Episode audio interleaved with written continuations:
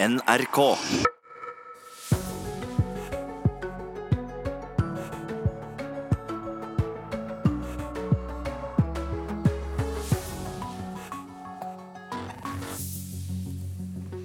God morgen, dette er altså Nyhetsmorgen i NRK P2, Alltid nyheter og på NRK1. Betalingstjenesten VIPS oppretter e-fakturaer uten at kundene får det med seg. Det skal vi straks eh, snakke mer om her i programmet. Og I dag ventes dommen etter de brutale drapene på en norsk og en dansk kvinne i Atlasfjellene i Marokko i desember i fjor. Norwegian legger frem resultatene for andre kvartal, og det er det mange som følger spent med på. Og Fisketorget i Bergen. Er det bare for turister, eller et sted for bergensere å handle til middag? Torghandlerne mener at de blir skjøvet ut etter at kommunen kåret vinneren av en ny arkitektkonkurranse for det berømte torget. I studio i dag, Ugo Fermariello. I mars måned dukket opp et sprettoppvindu på mobiltelefonskjermen til alle som har betalingstjenesten VIPS. Og hvis du trykket eh, OK på den, enten med vilje eller bare sånn i farten, så har du dermed gitt VIPS tillatelse til at eh, appen kan opprette e-fakturaavtaler på dine vegne. Det første jeg skal gjøre nå, det er å sjekke min egen VIPS og se hva det er jeg har trykt OK til. Det sier forbrukerøkonom i Nordea Deria Innsed Orsund. For det er nemlig sånn det skjer. Ved å trykke OK på et lite pop-up-vindu på mobilen, har mange nordmenn inngått en avtale med betalingsappen Vips om at de kan opprette e-fakturaer på deres vegne.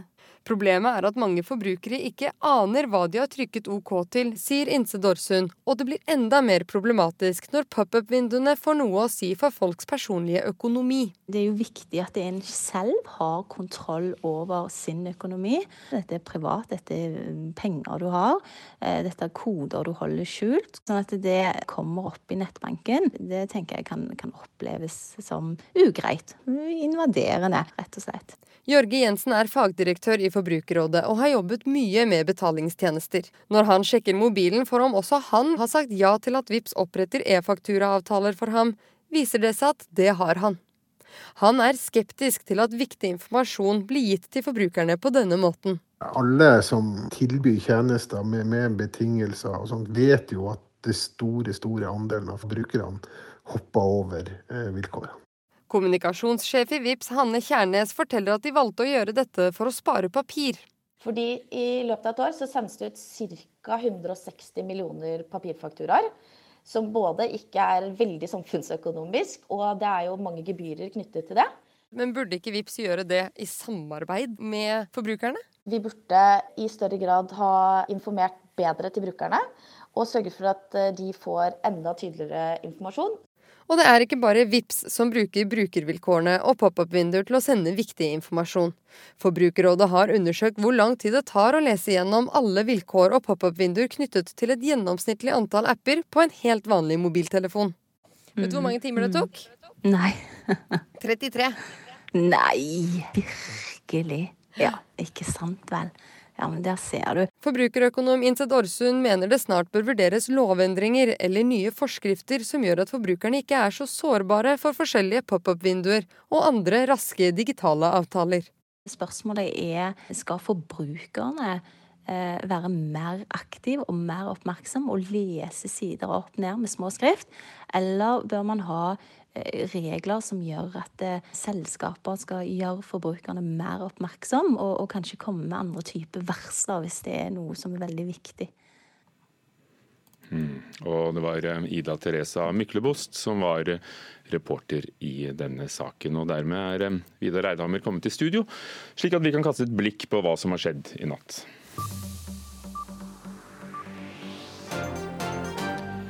Seks eh, personer har mista livet i et eh, kraftig uvær som eh, råka det nordlige Hellas i går kveld og i natt. Et par fra Tsjekkia døde da campingvogna deres ble tatt av kraftig vind. En russisk mann og sønnen hans døde da de ble truffet av et tre. I tillegg er kring 20 personer innlagde på sykehus, ifølge brannvesenet. Flere veier ble stengte, og strømmen gikk også flere steder. I Pakistan er ti personer omkommet og 64 skadet i en togulykke. Det var et passasjertog på vei fra Lahore til Balutsjistan-provinsen som kolliderte med en godsvogn som sto parkert på sporet, ifølge myndighetene. Her hjemme er en mann i 40-åra arrestert etter at han stakk av fra en tollkontroll i Østfold. Mannen kjørte to kilometer i feil kjøreretning på E6 i fluktforsøket. Føreren var trolig ruspåvirka og hadde heller ikke førerkort, opplyser politiet. Og her er noe av det som skjer i dag, og som vi holder et øye med i NRK Nyheter. Det er venta dom i rettssaka i Marokko etter drapa på norske Maren Ueland og danske Louise Westhager Jespersen i desember i fjor. Aktor har bedt om dødsstraff for de tre mennene som er tiltalte for selve drapa. Flyselskapet Norwegian legger frem sin halvårsrapport i morgentimene. Og det er en kraftig bedring i Norwegians driftsresultat, skriver nettstedet E24. Ehm, tallene viser at omsetningen eh, økte fra 8,29 til 9,90 milliarder kroner mot samme periode i fjor, og det underliggende driftsresultatet steg til 2,21 milliarder kroner.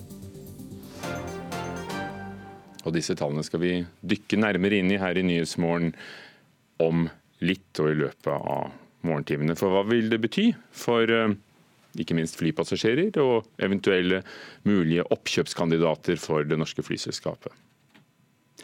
I dag ventes dommen etter de to drapene på norske Maren Ueland og danske Louisa Vesterager Jespersen i Atlasfjellene i Marokko i desember i fjor. De tre som er tiltalt for selve drapene, risikerer dødsstraff.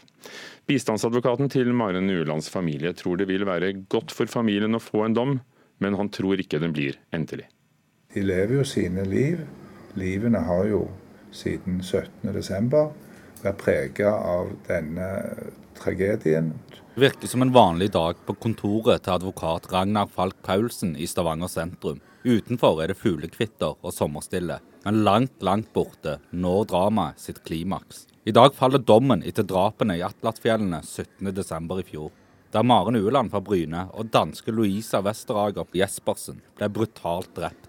Han er bistandsadvokaten til Uelands familie. Det vil være godt for familien Ueland å få lagt bak seg disse denne prosessen i, i Salé eh, for mer å komme videre i den sorgprosessen som, som, de må igjennom, og som de vel egentlig så vidt har begynt på. Aktor har lagt ned påstand om dødsstraff for de tre mennene som sto bak drapene på de to kvinnene. Familien eh, har hele veien sagt, eh, og sier fortsatt, at de har tillit til det marokkanske rettsvesen.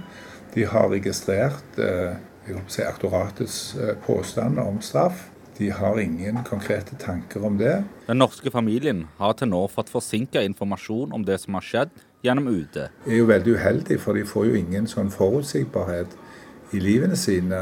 Så blir jo, de blir jo overrumpla av disse informasjonene når de får det, for de får det jo samtidig med folk flest. Nå har familien fått en bistandsadvokat i Marokko. Det som kommer nå, media og for så vidt alle kilder jeg snakker med, regner med at det blir en dom i første instans. Han vil følge opp det og komme tilbake til familien Uland og for så vidt meg og informere om de faktiske forhold. Falk Paulsen mener familien til Maren Uland har takla tiden etter drapet på en imponerende måte. Men han mener familien kunne hatt godt av å få en avslutning på saken. Men blir mennene dømt til døden, tror han det kan bli flere rettsrunder. Det som de sier, og som forsvareren for de tre som det er lagt påstand om dødsstraff for, det er at de tror at det vil bli idømt. Og da sier de samme kildene at de regner med at det blir en anke og Reporteren var eh, Ali Akhtar og Torkel Skibevåg. I alt 24 menn står altså tiltalt etter at eh, de to kvinnene ble drept 17.12. Eh, i fjor i nærheten av Imlil i Atlasfjellene. Tor Arne Hauger, du er fotograf og forfatter og også fjellfører og bor i Marokko. Er det, er det mye oppmerksomhet rundt rettssaken i Marokko? Blant folk flest på gata så er det ikke mye oppmerksomhet. Noe, men det var stort stor stor oppmerksomhet da det skjedde. Men nå er det ikke den samme kulturen her i Marokko på å følge rettssaker som det er i Norge. Men uh, om en spør folk, så er jo folk uh, bevisst på hva, hva, som foregår, og de er veldig klare på hva de mener om det. Og Hva mener de det, om det at aktor, i hvert fall dem du snakker med og, og det du fanger opp, aktor ønsker dødsstraff for de tre hovedtiltalte. Hva hva er holdningen til dødsstraff i Marokko? Alle ønsker seg dødsstraff. Unisont. I går så spurte jeg kanskje ti stykker, alle sier det med en gang. Det er liksom Den eneste reaksjonen du får, det er, det er at folk ønsker dødsstraff. De har ingen Veldig få som har noen refleksjon rundt det i forhold til om det representerer på en måte er, er, er i samsvar med en rettsstat osv. Det, det er kanskje en, en, en slags emosjonell reaksjon på det hele, at man ønsker seg dødsstraff. Er dødsstraff en, en ja, om ikke vanlig, en, en praktisert straffemetode i Marokko? Ikke utøvd, og, og, og, men, men um, loven er der fremdeles. Det er grupper som jobber for å få den fjernet. Men, og det har vært en del diskusjoner på radio her som går på, på måte, problematikken rundt dødsstraff i, denne, i dette tilfellet. Turisme er jo en viktig um, næring også for Marokko. og Det er klart at dette her satt en støkk i mange. Hvordan er sikkerhetsforholdene i, i fjellene? Du jobber jo selv som også uh, reiseleder og, og guide for uh, folk som vil oppdage Marokko.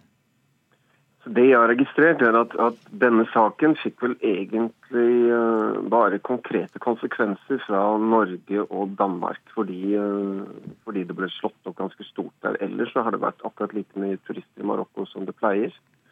Men Hvordan er forholdene i, i fjellene der dette skjedde, i nærheten av Imlil i, i Atlasfjellene? På en måte er de akkurat som de har vært. Jeg gikk en trekkingtur nå bare for noen uker siden og opplever at ting er som de alltid har vært. Men uh, hvis man snakker om sikkerhet, så må man jo gå til sånne si, sikkerhetsmålinger som, som en har rundt omkring i verden. og Der kom jo Marokko eh, godt ut, relativt godt ut. Eh, men det er jo vanskelig å si altså akkurat hvor sikkert noe er. Eh, jeg syns det er vanskelig å svare på. Men som sagt så oppleves forhold her akkurat som de har, har vi har opplevd det tidligere. Mm. Drapene er jo da beskrevet som inspirert av terrorgruppen IS. Hvor sterkt står IS i Marokko? Står ikke, tør jeg påstå, sterkt. Men, men, du har grupperinger i Marokko som i min oppfatning er mer egentlig politiske enn religiøse. Altså, det, er, det er en politisk bakteppe for en tenkning, og grupperinger som da uh, samler seg, da, eller på en måte orienterer seg en blanding av politisk og religiøst. Men fra statens side og folk flest side så skildrer de veldig med altså skildrer veldig og sier at det, disse grupperingene, handlinger som dette, har ingenting med religion å gjøre, vil jo, mest, vil jo alle si. Hmm. Takk skal du ha. Tor Arne Hauger, fotograf og, og, forfatter bosatt i Marokko. I dag er det altså ventet at eh, det faller dom i rettssaken etter drapene på Maren Ueland og danske Louisa Westerager Jespersen.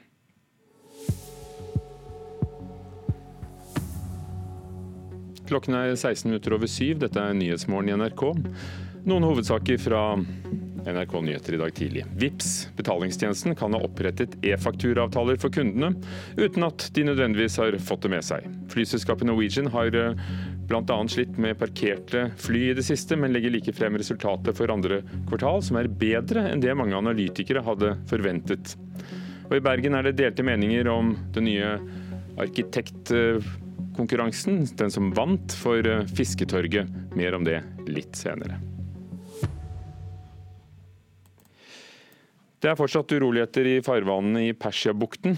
I amerikanske CNN har i natt eh, fått rede på at fem bevæpnede båter fra den iranske revolusjonsgarden har forsøkt å kapre en britisk oljetanker, men de ble avskåret av en fregatt fra den britiske marinen. Vår USA-korrespondent Anders Magnus har fulgt saken, og jeg spurte ham litt tidligere hva disse fem båtene og den iranske revolusjonsgarden da skal ha forsøkt å oppnå.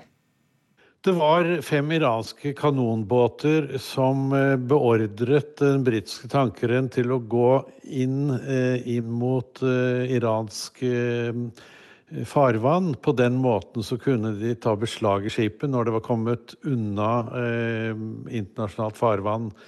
Dette ble jo selvfølgelig straks oppdaget av en britisk fregatt som lå bak dette tankskipet British Heritage. Eh, eh, så fregatten meldte da tilbake til kanonbåtene at hvis ikke de fjernet seg, så ville de bli beskutt. Og da fjernet de seg.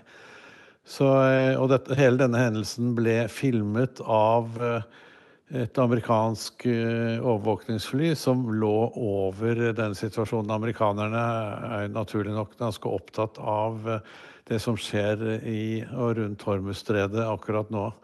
Og dette er det eh, to eh, anonyme offisielle kilder sier til CNN, men at de er anonyme, betyr Det er den vanlige måten eh, amerikanske myndigheter lar slike hendelser tilflyte mediene, fordi de vil ikke ha navn på de representantene fra offentligheten som sier dette til pressen.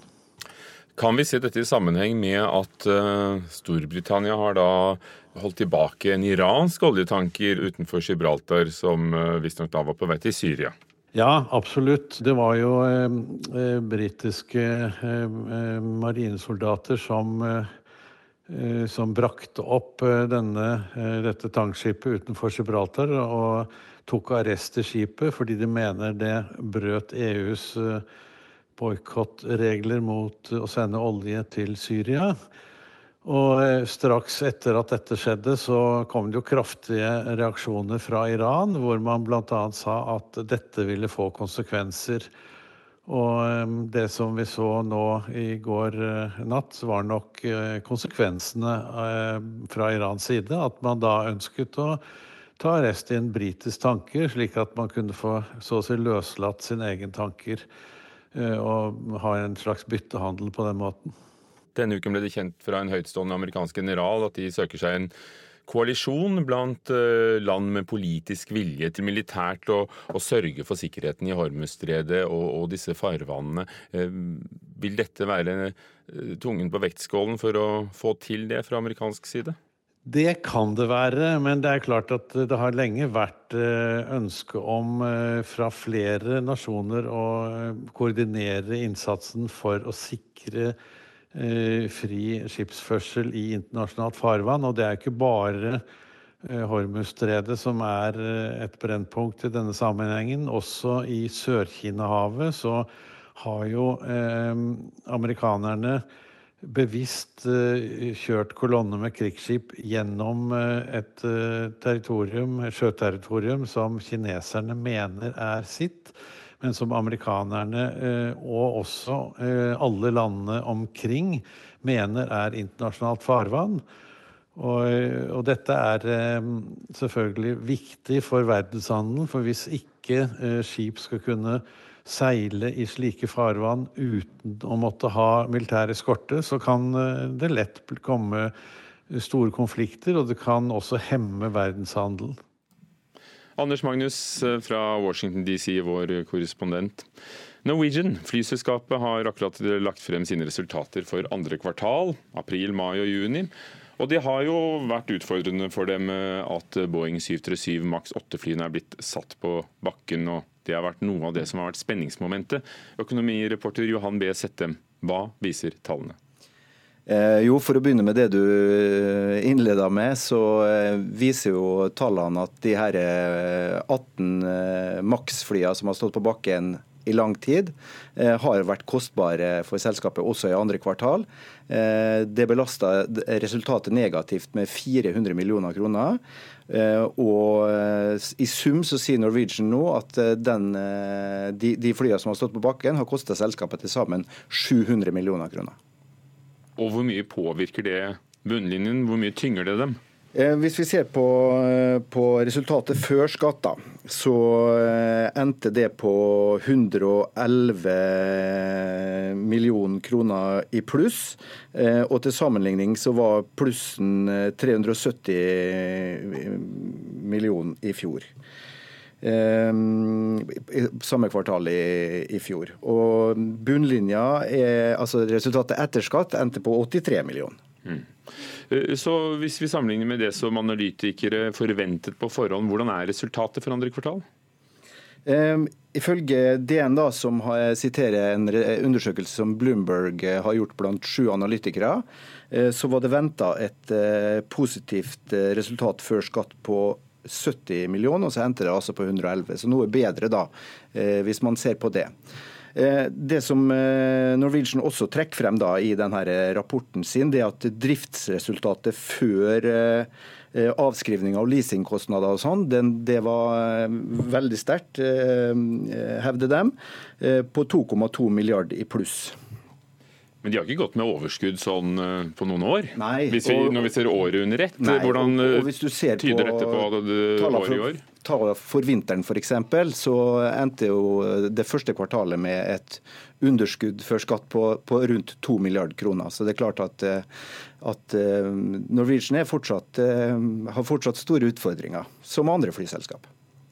Eh, og når vi hører tall som dette, betyr det noe for hva flybilletten koster for deg og meg? Om det koster 499 eller 3999? Det er vel litt slik at, eh, at, flyselskapene eh, som alle andre prøver å ta det de kan få i den konkurransen som eksisterer. Så hvorvidt flybillettprisene går opp eller ned, det vil tida vise. Takk skal du ha. Vi får besøk av en flyanalytiker fra Handelshøyskolen litt senere her i Nyhetsmorgen i NRK. Johan B. Settem, økonomireporter. Eh, og fra det til eh, et annet sommertegn, nemlig en musikkfestival. Stavernfestivalen starter i dag. En av Norges største musikkfestivaler. Hvert år besøker 25 000 folk dem i løpet av de tre dagene det varer. Og flere av dem som var der i fjor, sier til NRK at festivalen var dårlig organisert, med lange køer og kaos. Festivalsjefen innrømmer feil, og påstår at det blir bedre i år når man skulle til konserten, så var det ikke satt opp noen ekstra busser, Da var det kun de vanlige rutebussene som gikk. Og den kapasiteten ble jo sprengt rimelig fort, så da måtte man vente. Og hvis man ikke fikk plass på første buss, så måtte man vente en halvtime på neste buss. Så da mista man jo gjerne et par konserter da, før man kom seg til festivalen. Det sier Jeanette Bolstad Krogsund, som dro på Stavernfestivalen i fjor. Musikkfestivalen arrangeres mellom Larvik og Stavern i Vestfold, og i år skal 25 000 festivaldeltakere igjen ta turen for å høre på artister og feste. Jeg synes men testen But if you close your eyes,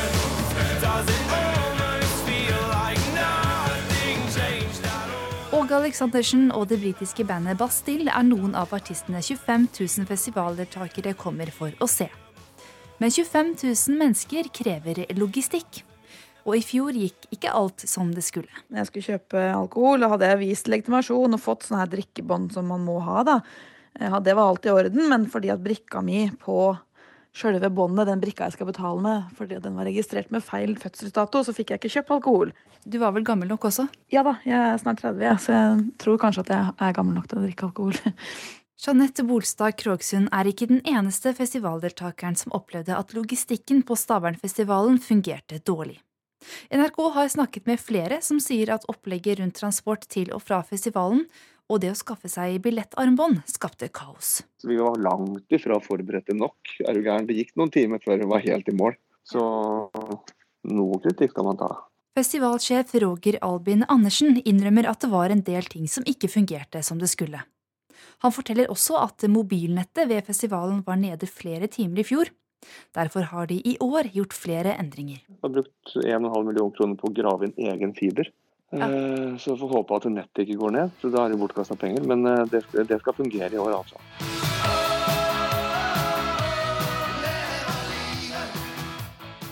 Det er vel det de skal, leve livet, de som drar til Stavernfestivalen. Åge Aleksandersen er en av dem som spiller der. Reporter Vibeke Sedekvist. Torget i Bergen, et ikon, men eh, nå er det kommet nye planer for hvordan Fisketorget skal eh, se ut. Arkitektkonkurransens vinnere er kåret, og disse planene vil ødelegge torget, mener torghandlerne selv. Men er ikke torget bare for turister likevel? Byrådslederen garanterer at bergenserne nå vil komme tilbake. Reinsdyr og hvalburgere går unna på Fisketorget i Bergen. Men en ny designkonkurranse har utløst sinne blant toghandlerne. Som Åge Sørensen. Vi mener jo at vinnerforslaget går ut på å utradere toget, at toget forsvinner sånn som det er i dag. At vi må rett og slett legge ned. Mindre plass til torgboder. Det ser ut til å være resultatet i vinnerutkastet i den nye designkonkurransen for Torg og Bryggen. Da er det over og ut for levende handel, mener de som jobber her. Det er ingenting igjen på Fisketorget. Det er bare en gigantisk bybane, et bybanestopp. Så hvis vi mister toghandlene, hva er det vi mister da? Vi mister partyteltene, varmelampene, matserveringen. Vi mister kongekrabbe til 1500 kroner kiloen. Og så mister vi turister som ikke engang tør å se på kassalappen etter de har handlet. How much? Oh, no, just, just enough. Turistene at de er i Bergen, i Norge, eller tror de at de er i Pamplona? Hvordan skulle toget vært? Toget? Når jeg var barn og jeg var med pappaen min her nede og kjøpte fisk i kummen og sånt, og her var jo bare bergenser, og du hørte strill, og det var jo et eventyr, ikke sant? Det var den gangen. Sånn som Elin Slåttrem husker torget. Sånn er vi mange som husker det. Vi husker at byens borgere handlet her. Vi husker boder med levende fisk. Det er vel i litt for stor grad kanskje et torg for turister. Og, og vi har jo store ambisjoner på vegne av eh, torget, sammen med torghandlerne, om å gjøre det til et enda bedre sted, og et sted der òg bergenserne i enda større grad tar i bruk eh, eh, torget som et sted å handle fisk eh, og sjømat. Byrådsleder Roger Valhammer garanterer at torghandlerne får en plass i fremtidens torg. Og til høsten så møtes partene for å løse floken. Vi skal jo ha en workshop eh, i slutten av september, når torget når togsesongen er over, turistsesongen er over. Eh, der vi skal på en måte finne ut hvordan toget skal se ut i fremtiden. Og da må ikke det komme noen arkitekter og tømme toget. Det går ikke. Og Reportere var Therese Pisani og Mikael Olsen Lerøen, som vi hørte i reportasjen. Og Vinneren av arkitektkonkurransen heter Mot Vågen og ble kåret for noen få dager siden. Finnskogrepublikken har eksistert i 50 år. Vi hører mer om den etter Dagsnytt i Nyhetsmorgen. Sommer i P2. Jeg ble adoptert av en familie på Vanuatu. Jeg heter Linn Charlotte Klund. Jeg er en jente fra slusebyen Ørje som seiler jorda rundt. Jeg har også kjempa mot isblokker så store som hus på vei gjennom Nordvestpassasjen. Alt dette hører du om i Mitt sommer i P2. Sommer i P2. I dag klokka ni.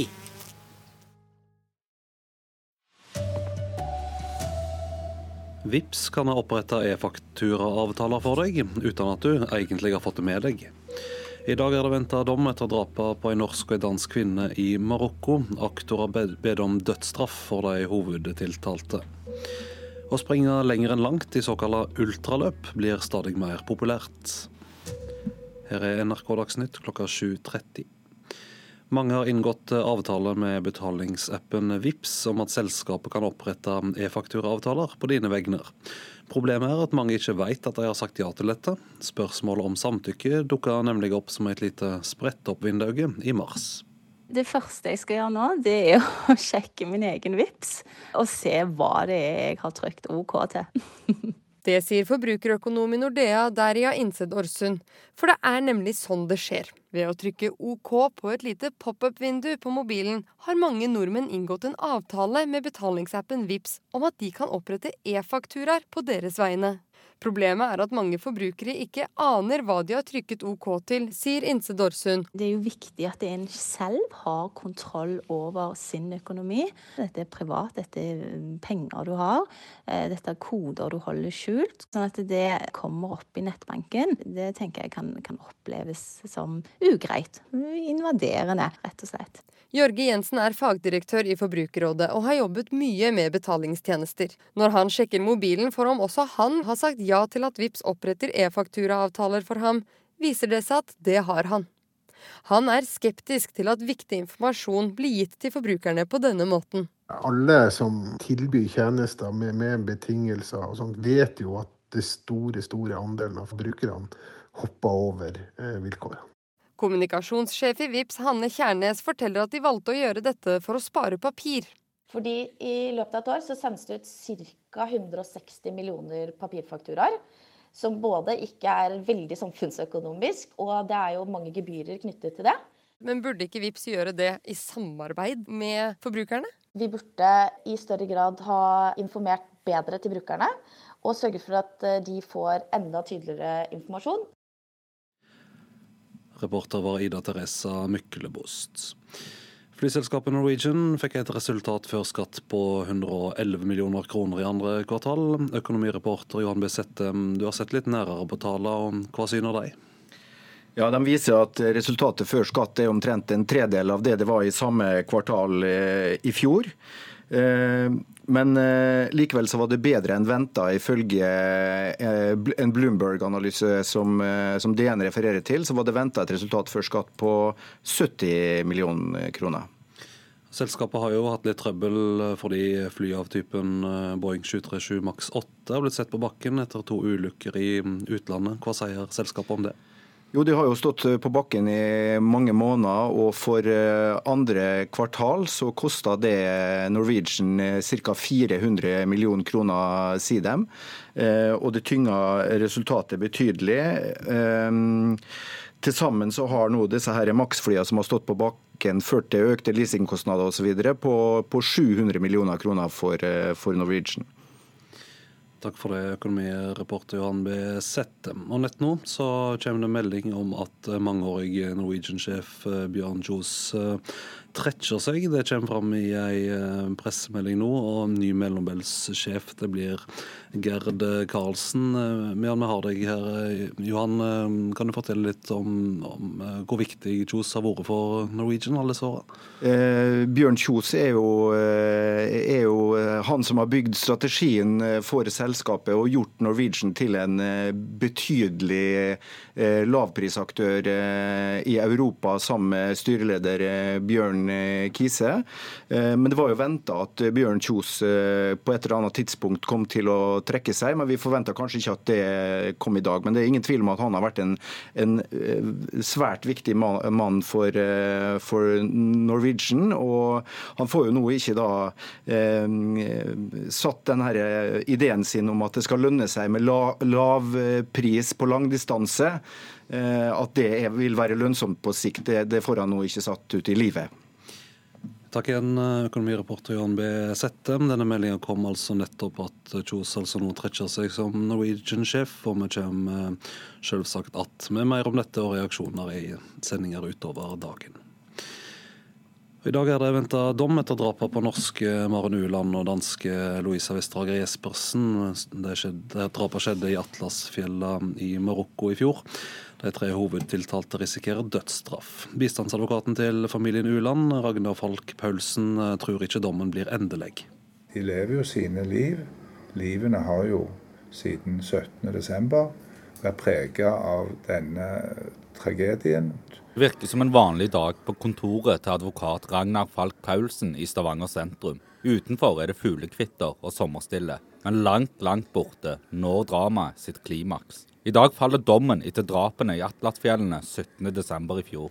Der Maren Ueland fra Bryne og danske Louisa Westerager Jespersen ble brutalt drept. Aktor har lagt ned påstand om dødsstraff for de tre mennene som sto bak drapene på de to kvinnene. Familien eh, har hele veien sagt, eh, og sier fortsatt, at de har tillit til det marokkanske rettsvesen. De har registrert eh, si, aktoratets påstander om straff. De har ingen konkrete tanker om det. Falk Paulsen mener familien til Maren Ueland har takla tiden etter drapet på en imponerende måte. Men han mener familien kunne hatt godt av å få en avslutning på saken. Men blir mennene dømt til døden, tror han det kan bli flere rettsrunder. Det som de sier, og som forsvareren for de tre som det er lagt påstand om dødsstraff for, det er at de tror at det vil bli idømt. Og da sier de samme kildene at de regner med at det blir en anke. Reportere Ali Akhtar og Torkel Skipevåg.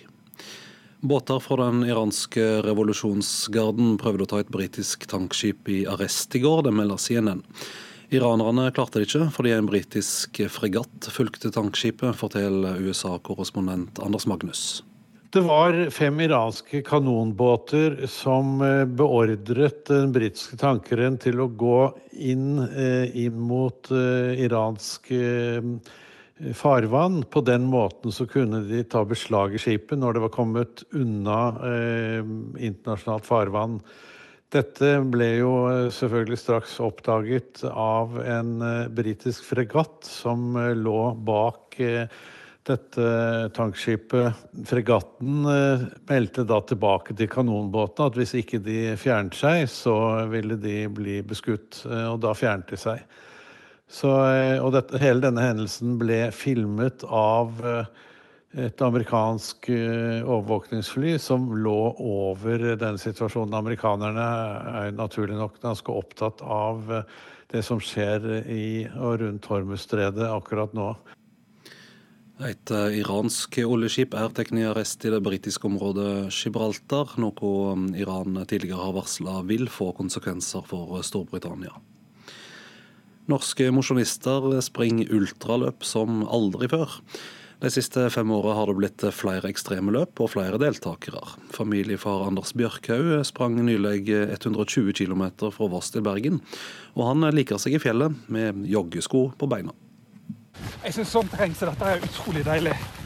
Med gode stier og mjukt underlag og litt opp og litt ned. Anders Bjørkhaug langer ut på en sti, på vei til en fjelltopp like utenfor Førde. Men jeg liker jo å få litt utsikt også, da. Så det å komme opp i høyden, det, det er litt viktig. Det blir stadig flere mosjonister som vil springe lengst og tøffest mulig. De siste ti åra har deltakertallene i norske ultraløp gått fra under 1000 personer i året til godt over 4000, uten at det går utover mer klassiske løp av typen maraton. Jon Henry Strupstad konstaterer at vi er inne i en ny løpsbølge. Vi trodde på en måte at vi hadde nådd et tak for noen år siden, men så har det bare eksplodert enda mer. Han er leder i ultraløpsutvalget i Friidrettsforbundet, og tror utviklinga henger sammen med samfunnet ellers.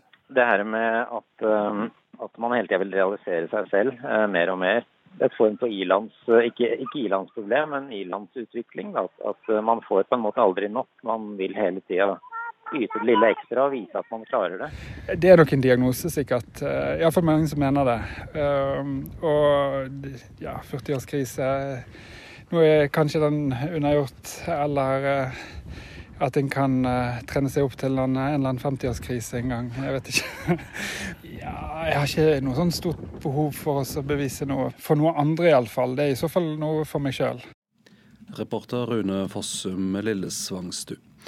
Ansvarlig for sendinga Elin Pettersen, i studio Vidar Eidhammer.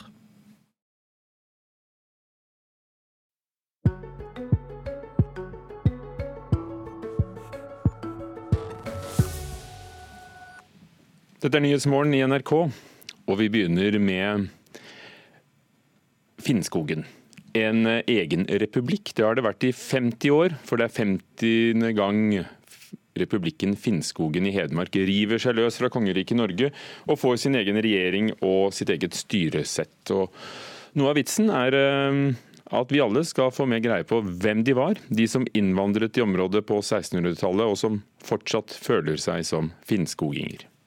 Da heiser vi vårt eget flagg. Vi presenterer regjeringen og reiser trontalen. Og vår evige president Åsta Holt er jo ikke med oss lenger, så vi har en settepresident. Og det er den finske ambassadøren i Norge som kommer da og formelt sett åpner eller proklamerer republikken. Statsminister Evert Viger forbereder de 50. Finnskogdagene på Svulleria i Åsnes Finnskog. Bjarne Korbøl er finansminister i regjeringa i den skogfinske republikken. Tar vi denne ned dit da, Bjørne? Det skal jo sitte folk i morgen. Begge ministrene stammer fra skogfinnene som innvandra til området på midten av 1600-tallet. Da kom de over gjennom Sverige og, hit. Uår og matmangel i Finland førte til finsk innvandring til skogområdene i Norge. Så da var det jo veldig magre tider. Skogfinnene tok med seg tradisjoner som svedjebruk, røykstue og badstue, men ble dårlig behandla i Norge. Det er vel sine utfordringer med å bli respektert i dette samfunnet. Skogfinner som et lite slags skjellsord. Her har vi høner som både går ut og inn herifra.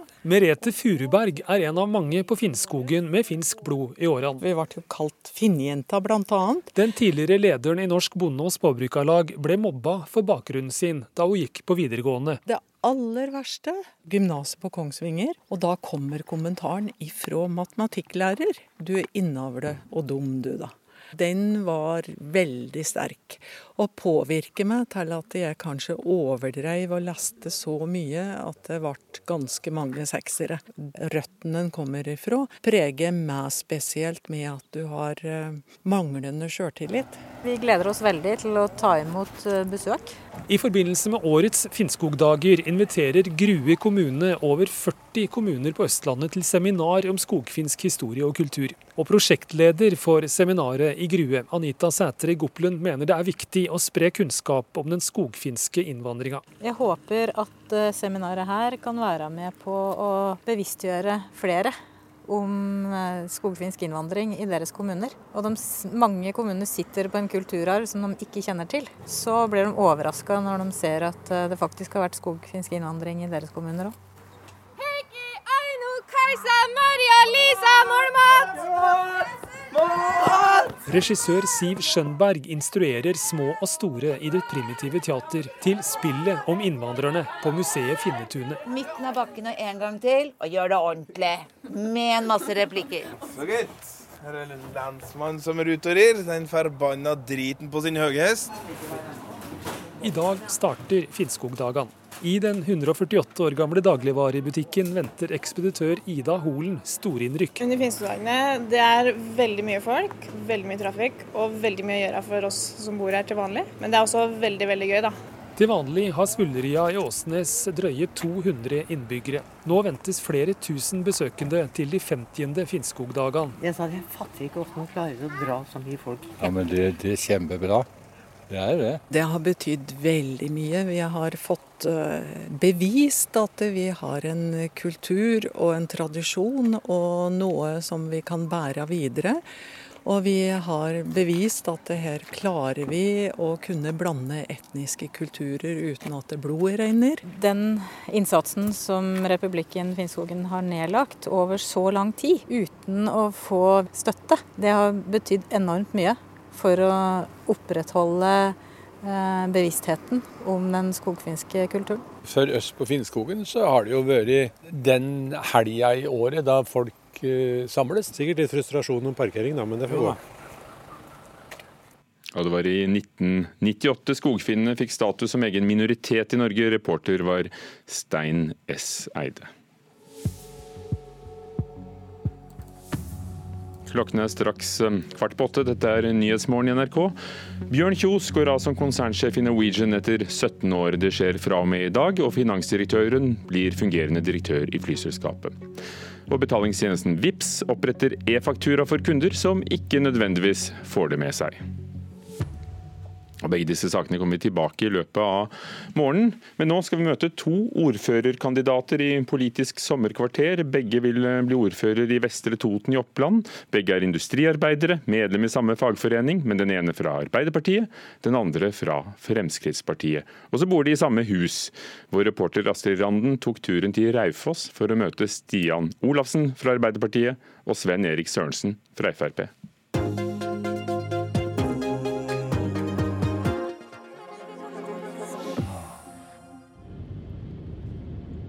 En kjapp liten kjøretur fra Gjøvik, så kommer du til industristaden Raufoss, kommunesenteret i Vestre Toten.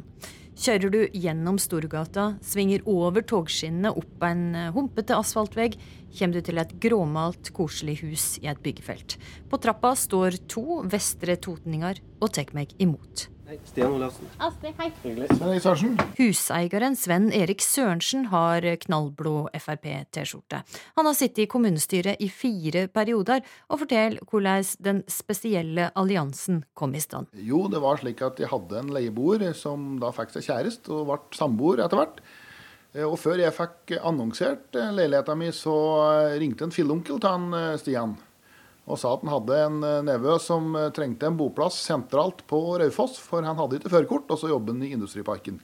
Så det er, det er slik historia ble til. Visste du da at han er arbeiderpartist? Nei, jeg har jo visst at familien hans har vært det, men at han var så aktiv som han var, det visste jeg ikke. Og du da, visste du at du flytta inn en sånn Frp-bulle når du flytta inn her? Ja, jeg ble fortalt at han var, Svein Erik var Frp-er. Hvordan går dette leieforholdet da mellom to politiske rivaler? Jo, det går veldig bra. Vi klarer å skille privat og politikk. Så eh, selv om vi møtes i trappa, så diskuterer vi eh, rett mye andre ting enn politikk. Men hvis det har skjedd noe spennende politisk, hvis det, Siv Jensen har eh, sagt at hun skal knuse de jævla sosialistene, og de ikke to møtes, for de ikke har rett og slett felles inngangsparti, hva sier de ikke til hverandre da? Pleier å ha en fleipete tone rundt slike ting da, og si jeg tar meg sjelden nært av slike utsagn og bruker litt humor på det. og det er slik er jo Svein Erik òg, at han er ikke så fryktelig hårt hårsårt av seg, han heller. Ja, det blir nok mest eh, diskutert på Facebook, og da kan det komme noen eh, fleipete kommentarer hvis den ene legger ut noe, eller den andre legger ut noe. Ja, Så de kan sitte i samme hus og diskutere på Facebook? Ja, det har hendt ved flere anledninger, det. Sier 26-åringen som er Arbeiderpartiet sin ordførerkandidat. Han er favoritten til å ta over kommuner som har vært Ap-styrt siden krigen. Han er utdanna helsefagarbeider, men jobber som industriarbeider, og er tillitsvalgt på ammunisjonsfabrikken Nammo. Det jeg driver med nå, er å linke, som det så fint heter. Altså at du har patroner i slik bånd, nesten som du ser på Rambo. Altså sånn Når du skyter, så går det mange skudd av på gongen. Så det er på en måte det jeg driver med akkurat nå i Nammo. Og produserer de skudda, rett og slett? Ja, gjør det. Og så setter de i disse her båndene, og så leverer de. Og eh, Svein Erik Sørensen, du jobber også i industrien her. Hva er jobben din? Eh, jeg er eh, med innkjøp på Kongsberg Automotive. Så jeg har ansvaret for å kjøpe inn verktøy og reservedeler. Både Frp-eren og arbeiderpartisten er med i fagforeninga. Men for Olafsen ble dette medlemskapet det som skulle forme hans politiske engasjement. Fagbevegelsen er det som har formet meg med jern og brutal, som vi kaller det. Altså at det er lov å det er lov å ta ting, være litt hardere i klypa enn politikken ofte er. Jern og brutal, da snakka du om fagforeninga Jern og Metall, sant? Ja, stemmer det. Men hva du mener med at du er litt hardere i klypa og kan si ting litt mer sånn rett fram? Nei, det vi ofte har kritisert, er at politikken i dag er veldig innpakket. Altså vi bruker ord og begreper som er helt sånn vanvittig for oss som sitter rundt lunsjbordet. holdt på å si. Altså, vi har et annet språk og et annet miljø, og jeg syns det er viktig at vi klarer å få fram deg i politikken nå. Vi ser det jo på valg, vi ser vanlige folk stemmer mindre. Vi ser, hele, vi ser at det begynner å distansere seg for en stor velgergruppe. Og vi er nødt til å få tilbake dem, ellers blir det et stort høl i demokratiet som ikke er bra for noen. Med ditt parti på eh, storting og de som styrer partiet ditt, da, syns du det er nok eh, arbeidsfolk i eh, i partiet ditt? Jeg skulle gjerne sett større bredde. Altså For all del, de er dyktige, de som sitter der, men vi ser at vi er nødt til å få større representasjon av folket, skal jeg si. Ikke bare den akademiske biten, men også de som har fagbrev, og kanskje som ikke har fagbrev òg, men som hver eneste dag gjør en jobb innenfor industrien eller helsevesenet eller hvor det enn det skal være, men som hver dag står opp tidlig om morgenen og bygger landet, som det heter. For det er ikke nok av det i dag. Hvordan merka du det på eh, Arbeiderpartiet sentralt? da? vi merker det jo, som jeg nevnte på før, her, dette med hvordan vi kommuniserer, kjenner publikummet ditt, og på en måte hvordan vi når ut med politikken. Der har vi Jeg savner jo sånn Berntsen-typer, skal jeg si, som kanskje er, som vi har nevnt her, kaller en spa for en spa som er mer direkte. Vi er nok enige i det at uh, distanseringa mellom vanlige folk og politikere har blitt stor. Og jeg tror Jan Stian, uh, selv om vi er veldig forskjellige, vil jobbe for å få en uh, mer uh, Minske den eh, distansen. For, eh, for, det er ikke bra hvis politikere ikke har kontakt med folket sitt. Stian, du tok over som Ap-leder i Vestre Toten for tre år siden. Mm. Og da mente du at det mangla fellesskap mellom fagrørsla og Arbeiderpartiet. Fortell. Ja, det viste seg at det var eh, dårlig samarbeid og lite felles møter, lite samhold, skulle jeg si, som tradisjonelt har vært der, og som bør være der. for at vi er jo på en måte enige om de samme løsningene og vi ønsker en. Så det har vært en bevisst jobbing over lengre tid med å få flere tillitsvalgte, flere arbeidsfolk fra industri, eh, helse og omsorg, anleggsbransjen inn på lista. For vi er, vi, hvis du kritiserer partiet for det sentralt, og hvordan politikken har vært på Stortinget, så må du først begynne lokalt. Er det dette du kaller for samrøre? Ja. Jeg er ikke noe glad for at uh, fagforeningen uh, blindt uh, støtter Arbeiderpartiet. Jeg mener fagforeningen skal stå helt alene. og være ei kraft som kan påvirke både til høyre og venstre. Ja, Olafsen, hvordan svarer du til det? Ja, Nå hører du jo meg historie at det er jo faktisk fagforeningsfolk som starter partiet. Så vi er jo i samme bevegelse. Fagforeningen prater jo med Høyre Frp om. Du ser jo i programmet at dette med å fjerne kollektive eh, avtaler altså Politikken er svarer ute ikke på det fagforeningen vil ha. Ja, jeg er ikke enig i det, for det er mange andre ting som eh, folk flest eh, er opptatt av, bl.a. eiendomsskatten. Der har jo aldri Arbeiderpartiet vært med på at den skal fjernes. og Vi mener jo det er en usosial skatt som eh, bør fjernes så fort som mulig. Men det er jo heller ingen kampsak for fagforeningene, er det Nei, Jo, det skjønner jeg ikke. For jeg har tidet opp flere ganger med lederen eh, i Industriparken her. Men da taler vi til døve ører. Når fagforeningen opptrer slik, så, så, så blir det ikke så legitimt det de driver med. Er kjensgjerning at Arbeiderpartiet er litt større enn Frp i Vestre Toten. Eh, hva kan du gjøre for å velte makta som Arbeiderpartiet har hatt i denne kommunen i 80 år? Eh, vi kan gjøre et like godt valg som vi gjorde i 2017. Da var det jo eh, et flertall eh, for de som sier de vil ha et skifte. Så vi må bare stå på hver dag og, og jobbe med de sakene som vi har. Vi har jo sett på kartet mange saker, bl.a. dette med barnefattigdommen i Vestre Toten. Den er veldig stor. Det har vi satt på kartet. Vi har jobbet med budsjetter. Vi har laga budsjetter der vi viser at vi kan fjerne eiendomsskatten. Så vi må bare jobbe knallhardt. Så skal vi gi dem kamp til døra. Det er det ingen tvil om. Men sjøl om det gjorde et greit valg i 2017, så var jo det et stortingsvalg. Sist kommunevalg så var jo rett og slett Arbeiderpartiet fire ganger så stort som Frp. Ja, og vi må jo samarbeide med de andre ikke-sosialistiske partiene i kommunene for å få det til. Og vi har et veldig godt samarbeid. Så jeg tror vi skal bli enige om et maktskifte hvis velgerne velgere vil. Og hvis de ikke vil, da? Hvilken ordfører tror du at eh, Stian Olafsen eh, kan bli? Det er jeg veldig spent på. Han er jo veldig ung, som du var inne på. og eh, Første perioden hans nå i kommunestyret, så har han vel ikke vært de som har plaget talerstolen aller mest. Så jeg, jeg, er litt redd for at han kan bli litt for avhengig av rådmann, slik som den forrige ordføreren nå har vært. Og at vi får en rådmann som, eh, som styrer hele butikken, og det er ikke bra. Nei, altså rådmenn skal gi råd, og så er det politikere som skal vedta. Og så akkurat dette med rådmenn, det er egentlig bare tull. For at hvis vi vil noe i partiet, så gjør vi det. Så det er jeg ikke noe redd for. Men så sier Sørensen også her at du har vært litt lite på talerstolen. Hvorfor det?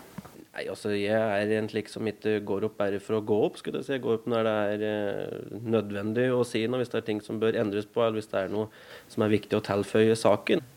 Du, Sørensen, det at Arbeiderpartiet har hatt makta så lenge sammenhengende i denne kommunen, hva har det å si?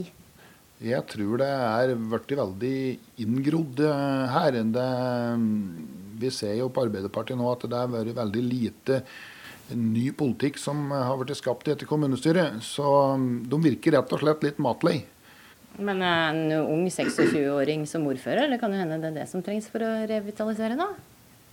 Ja, det gjenstår å se, det. du, Hvis det da skulle bli sånn at eh, Sørensen og Frp tar eh, ordførerkjedet, skal du fortsette å bo her da? Eh, det er helt på å si Du får gå at en og bor sammen med Frp, men hvis en skulle gå rundt med at det er ordførerkjede òg, så kan det hende at en må, må, finne en plass å bo. Og så er det vel et ønske, det er vel ingen hemmelighet at en som alle andre ønsker å finne en plass å bo for seg sjøl etter hvert. Du, det bor jo ganske tett her i dette huset. Har du noen fun facts som leieboeren leiebueren din? Eh, ja, han er, eh, han er, veldig flink til å få mor til å jobbe for seg. Hun eh, har vasket mye klær for ham, har jeg sett, og han er ofte der på middag. Har du mora di som eh, hjelper deg litt? Altså, Hele folk i arbeid, sier Arbeiderpartiet, så det er noe med at alle skal med. Nei, men det er jo naturlig at uh, mødre er jo som mødre flest, at de ønsker å bidra. Og så er det jo koselig å reise på mandag til mamma, da, om det skal være bestemor. Så det er jo litt for å Han vil jo være sammen med familien sin, så det er naturlig å få litt hjelp. Men jeg har jo sett at han har en samboer som er vasker for han innimellom. Og så helt sånn uh, uskyldig er han vel litt den som sitter ved sida av meg. Ja, det har jeg fått med samboer nå den siste måneden, så hun har vært snill og vasket litt, hun. Og, jeg er jo jeg er glad for at mor tar seg av gutten sin, da, for han prøvde seg på ribbe her eh, for noen år siden, og det gikk ikke bra. Da gikk brannalarmen. Så, eh, så, så, jeg er jo glad for sikkerhet, at hun tenker sikkerhet òg. Der er vi enige. Det første helga som Olavsen bodde i overetasjen her, så, Eh, kom det fram ei konfliktlinje mellom de? Kan fortelle hva som skjedde, Sørensen? Ja, det var på vel en søndag. Så eh, hadde han reist inn til Oslo og skulle se på fotballkamp med Vålerenga. Og hadde da, som mange totninger gjør, hengt ut Vålerenga-flagg eh, i etasjen her. Eh, og da var jeg rask til å være oppe og fjerne det, for han hadde ikke søkt om utslippstillatelse. For Vålerenga er eh, Ja, jeg skal vel, eh, skal vel eh, være forsiktig med å ytre meg, men eh, han trenger utslippstillatelse for å henge opp et slikt flagg. Ja, men klart. Jeg tør i hvert fall å henge ut flagget til laget mitt. Utslippstillatelse? Hva gjorde du med flagget? Eh, det havnet i restavfallet. Fant du det i søpla, rett og slett, når du kom tilbake fra kamp? Jeg fant det i søpla, men da som oftest ellers så slo Vålerenga Jeg vet ikke om det var Lillestrøm, men uh, vi gjør jo det ellers hele tida. Så jeg tenker da, hvis det kan glede han litt at han får lage det i søpla, og vi får tre poeng, så, så går det bra. Så er det, er det ikke også uenig på fotballbanen når det kommer til engelsk fotball? Eh, Frp Sørensen, hvem er det du heier på? Manchester United har gjort lenge. Og Ap Olafsen, hvem er ditt lag? Det er Liverpool, det, vet du. Ser de ikke på kamp sammen? Har det hendt at ikke ser på fotballkamp sammen? Nei, Vi har ikke dratt det så langt enda. Det har vi ikke gjort. Jeg har invitert den ved et par anledninger, da, men han har ikke turt. Vi har noen faste spørsmål i denne sommerpraten. Et av deg er skal du fly på ferie i sommer? Ja. Kjenner du på noe skam i forhold til å fly? Kjenner du på flyskammen? Jeg flyr ikke en gang i året, skulle jeg si, så jeg gjør ikke det. Kommer du, Sørensen? Kjenner du på noe flyskam? Nei, det gjør jeg ikke. Jeg er vel til dem som ikke tror at dette her CO2-utslippet vårt har så veldig mye å si som mange skal ha det til. Ja, Så du tror ikke klimaendringene er menneskeskapte? Nei, jeg tror vi har klimaendringer, men at vi, vi ikke er med i den graden som mange tror. At hvis vi bare slutter å flyge og kjøre dieselbiler, så vil dette snu på noen slags måte. Jeg har ikke noe tro på det. Når du har det aller, aller best i sommerferien, hva er det du gjør da? Da er jeg på hytta og koser meg i naturen der. Jeg har hytte på Totenåsen, og der er jeg så ofte som mulig. Da slapper vi av med noe godt i glasset og, og nyter naturen, rett og slett. Og hva med det, Stiansen? Er det aller beste? Hvordan har du det aller best om sommeren? Da er vi på campingen til mamma og pappa, hvor det er flere slektninger og har som Sørensen noe godt i glasset og kanskje har på litt uh, høy Elvis-musikk, da slapper jeg veldig godt av. Astrid Randen møtte Stian Olafsen fra Arbeiderpartiet og Sven Erik Sørensen fra Frp, begge ordførerkandidater i, i Vestre Toten i Oppland. Dette er Nyhetsmorgen. Bjørn Kjos, en av Norges største gründere, forlater sin egen skute. Det hører vi mer om etter Dagsnytt.